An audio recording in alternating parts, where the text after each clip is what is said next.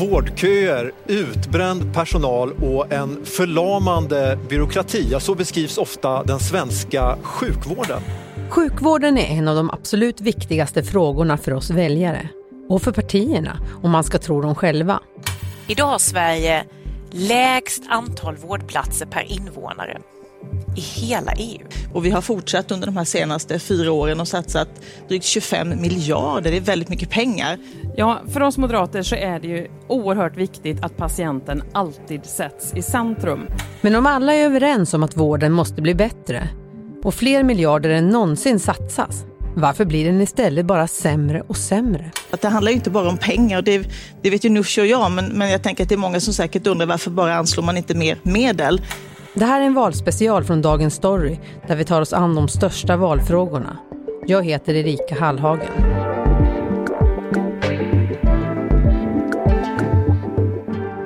Fredrik Mellgren, reporter på SvD specialiserad på sjukvårdsfrågan. Vården och vårdköerna skapar ju stora rubriker, men hur het är vården som valfråga skulle du säga? Den är nog väldigt het egentligen. Det är nog inte så konstigt att den toppar väljarnas lista över viktiga valfrågor. Det beror ju säkerligen på att verksamheten i sig själv är så viktig.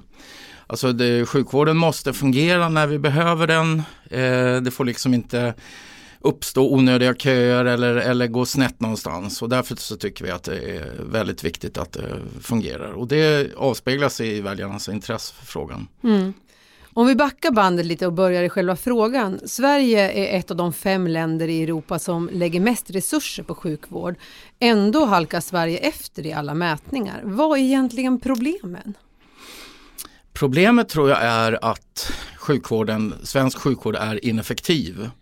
Vi gjorde en, en eh, genomgång här under våren på Svenska Dagbladet och kom fram till att det satsas ungefär 580 miljarder kronor om året på svensk sjukvård och det är ofantligt mycket pengar.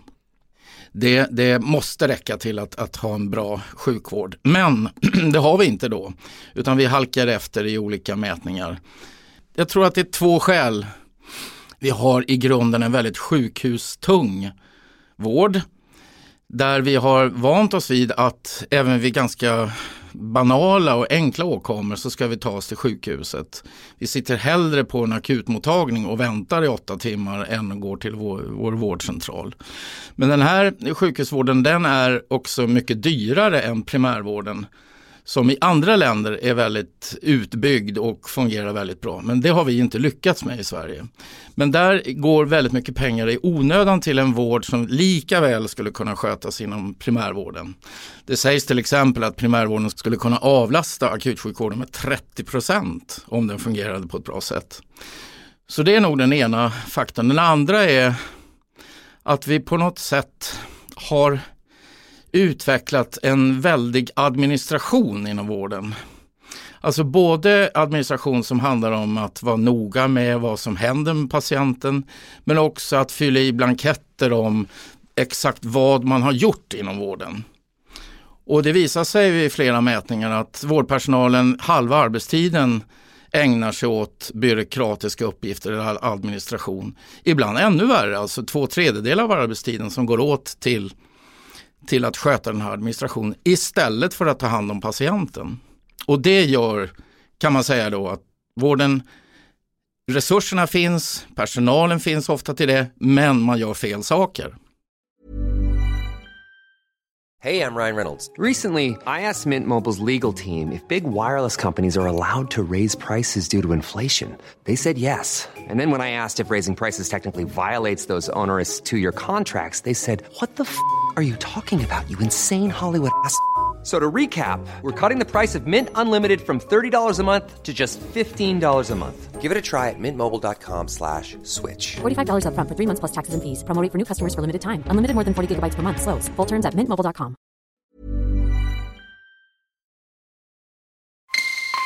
Ja, och från då kaos och personalbrist på Arlanda till det återkommande problemet med brist på personal inom sjukvården. Svensk sjukvård har problem. Överfulla akutmottagningar, överbeläggningar, långa köer och ett ständigt jagande efter vårdplatser. Och det är någonting väljarna bryr sig om. Sjukvården hamnar i princip alltid i topp när väljarna får peka ut sina viktigaste frågor. En av de stora utmaningarna för svensk sjukvård är bristen på personal.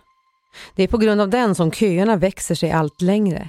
Just nu väntar 170 000 personer på att få tid för operation. Trots att vården skriker efter sjuksköterskor, undersköterskor, barnmorskor och läkare så väljer många med rätt utbildning att jobba med annat eftersom de tycker arbetsvillkoren är för dåliga.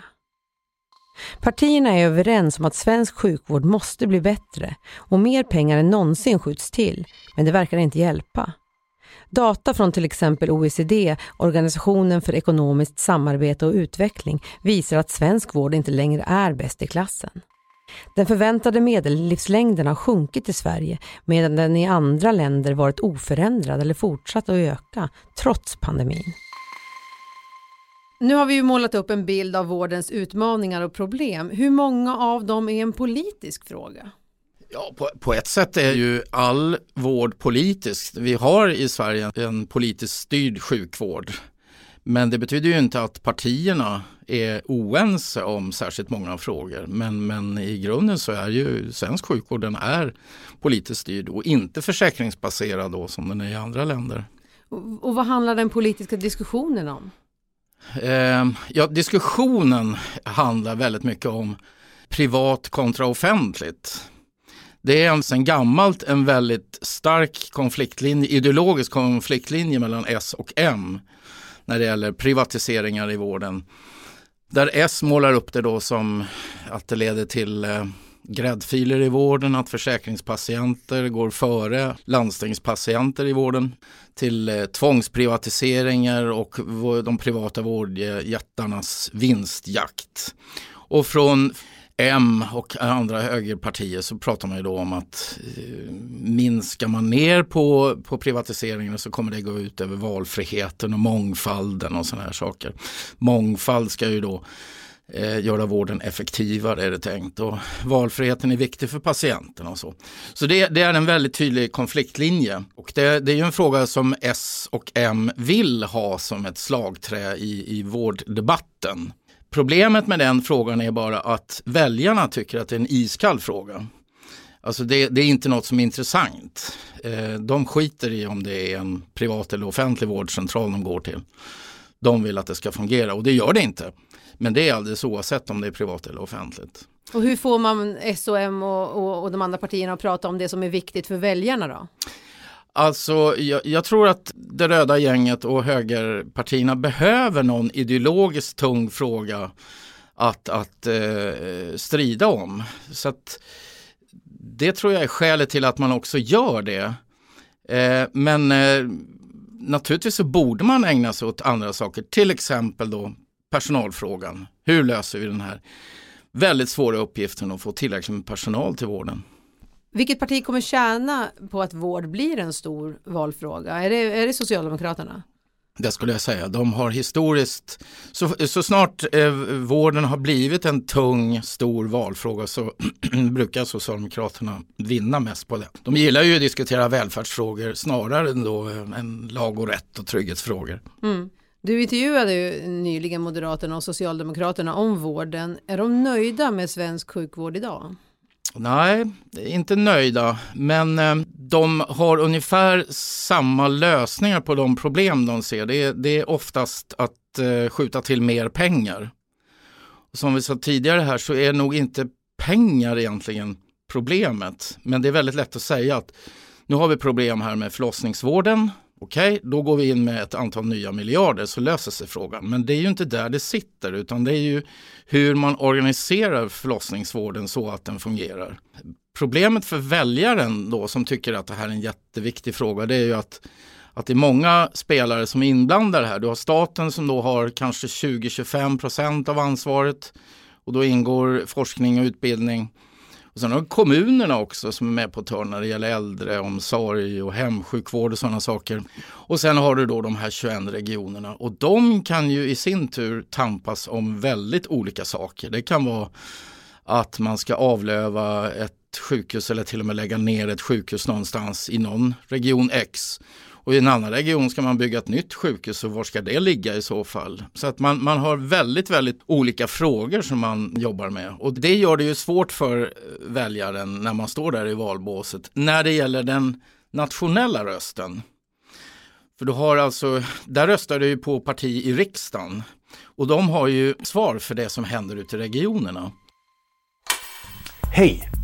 Jag skulle vilja prata med dig om någonting som du tycker är väldigt viktigt, nämligen sjukvården. Men trots att det är så viktigt för dig så kan du väldigt lite om det här. Den svenska vården styrs alltså lokalt och så har det sett ut sedan slutet av 1800-talet då landstingen infördes. För två år sedan bytte landstingen namn till regioner. Men väljarna har dålig koll på den lokala politiken. En Novusundersökning som SVTs Uppdrag granskning beställt slår fast att inte ens hälften vet att det är regionerna som bestämmer över sjukvården. Knappt hälften vet vilket parti som styr där de bor. Inte ens var femte kan namnge en aktiv regionpolitiker och bara drygt var fjärde kan peka ut vad som skiljer partierna åt i sjukvårdsfrågor på regionnivå. Och nu talar alltså samtliga partier om ett starkare statligt grepp om vården. Argument för. Statlig styrning minskar vårdens ojämlikhet och orättvisor. Argument emot. Regional sjukvård är bättre på att svara upp mot det lokala behovet. Till exempel bollas frågan om färre och större regioner, sex eller åtta istället för dagens 21. 2016 var det nära att ett sådant förslag gick igenom, men i sista stund hoppade Liberalerna, Kristdemokraterna och Centern av. Som väljare då, vad ska man tänka på när man står där i valbåset om man tycker att vården är en viktig fråga? Ja, då ska man nog ha klart för sig att, att eh, man ska utnyttja sina olika valsedlar. Alltså för, för den nationella nivån och för regionerna. Och för den delen även kommunerna, men kanske i något lägre grad. Då. Men att eh, den statliga rösten spelar roll när det gäller de övergripande frågorna. Men vill man gå mer konkret på det som händer just i ditt område, då ska man utnyttja sin regionala valsedel. Mm. Förutom att skjuta till mer pengar, finns det någon annan, något annat konkret som politikerna vill göra med vården? Ja, en fråga som vållar en del debatt, det är ju det här vem som ska ansvara för sjukvården just. Och där är det ju så då att eh, Kristdemokraterna har väckt frågan om att man skulle kunna eh, i princip förstatliga sjukvården och eh, lägga ner regionerna. Eh, alla partier vill ha en ökad statlig styrning men Kristdemokraterna går alltså längst av partierna. Det har de starkt stöd för. Enligt SOM-institutet då vid Göteborgs universitet så vill sju av tio svenskar att eh, staten ska ta över ansvaret för sjukvården. Det är lite uppseendeväckande med de där siffrorna är bara att stödet är starkast på vänsterkanten. Vänsterpartiet är framförallt det partiet som vill förstatliga sjukvården medan det tunnas ut mer och mer stöd på, på högerkanten där Kristdemokraterna håller till. Så de har inte väljarna med sig i den här frågan? på ett sätt har de ju det, fast inte sina egna väljare. Men det här är inte en stor fråga för de andra partierna? Nej, alltså alla är överens om att ökad statlig styrning men däremot inte ta hela språnget att förstatliga eh, sjukvården. Om det är på regional nivå som besluten fattas, varför pratar rikspolitikerna så mycket sjukvård då? Ja, vad ska de göra annars? De vet att det är en viktig fråga för, för väljarna och de vill gärna prata om det och de vill gärna visa att de är beredda att göra saker med sjukvården, alltså skjuta till mer pengar. De kan ju inte ducka för en så, eh, ett så viktigt välfärdsområde så det, det, det är ganska självklart att det blir en, en politisk debatt på nationell nivå. Men de har alltså inte ansvaret för kanske mer än ja, 20-25 procent av vården. Eh, samtidigt kan man säga att, att eh, alla partier har sedan 90-talet varit överens om att Sverige måste skaffa sig en bra och fungerande primärvård, alltså vårdcentralerna. Men det har man misslyckats med. Trots att man har skjutit till hur mycket pengar som helst så, så lyckas man inte. Du som har bevakat det här så länge, då, vad skulle du säga, vad behöver politikerna göra? Med primärvården tror jag att det är att försöka vara tydliga med redan under läkarutbildningen är att samhällets behov av läkare det är framförallt primärvårdsläkare. Läkare självmant eh, söker sig helst till sjukhusen, det är högre status att, att jobba där helt enkelt. Och arbetssituationen är så pass svår inom primärvården så det är inte någon attraktiv arbetsplats för en läkare. Sen tror jag också att det vore bra i en sån fråga där vi alla egentligen är överens om att den här verksamheten ska fungera. Väljarna tycker det, partierna tycker det. Så vore det kanske bra om partierna någon gång såg bort ifrån prestigen och försökte göra överenskommelser, uppgörelser som över alla tänkbara blockgränser för den goda sakens skull. Tack Fredrik Mellgren för att du var med i Dagens Story. Tack. Hey, I'm Ryan Reynolds. At Mint Mobile, we like to do the opposite of what Big Wireless does. They charge you a lot, we charge you a little. So naturally, when they announced they'd be raising their prices due to inflation, we decided to deflate our prices due to not hating you. That's right. We're cutting the price of Mint Unlimited from $30 a month to just $15 a month. Give it a try at mintmobile.com slash switch. $45 upfront for three months plus taxes and fees. Promo rate for new customers for limited time. Unlimited more than 40 gigabytes per month. Slows. Full terms at mintmobile.com.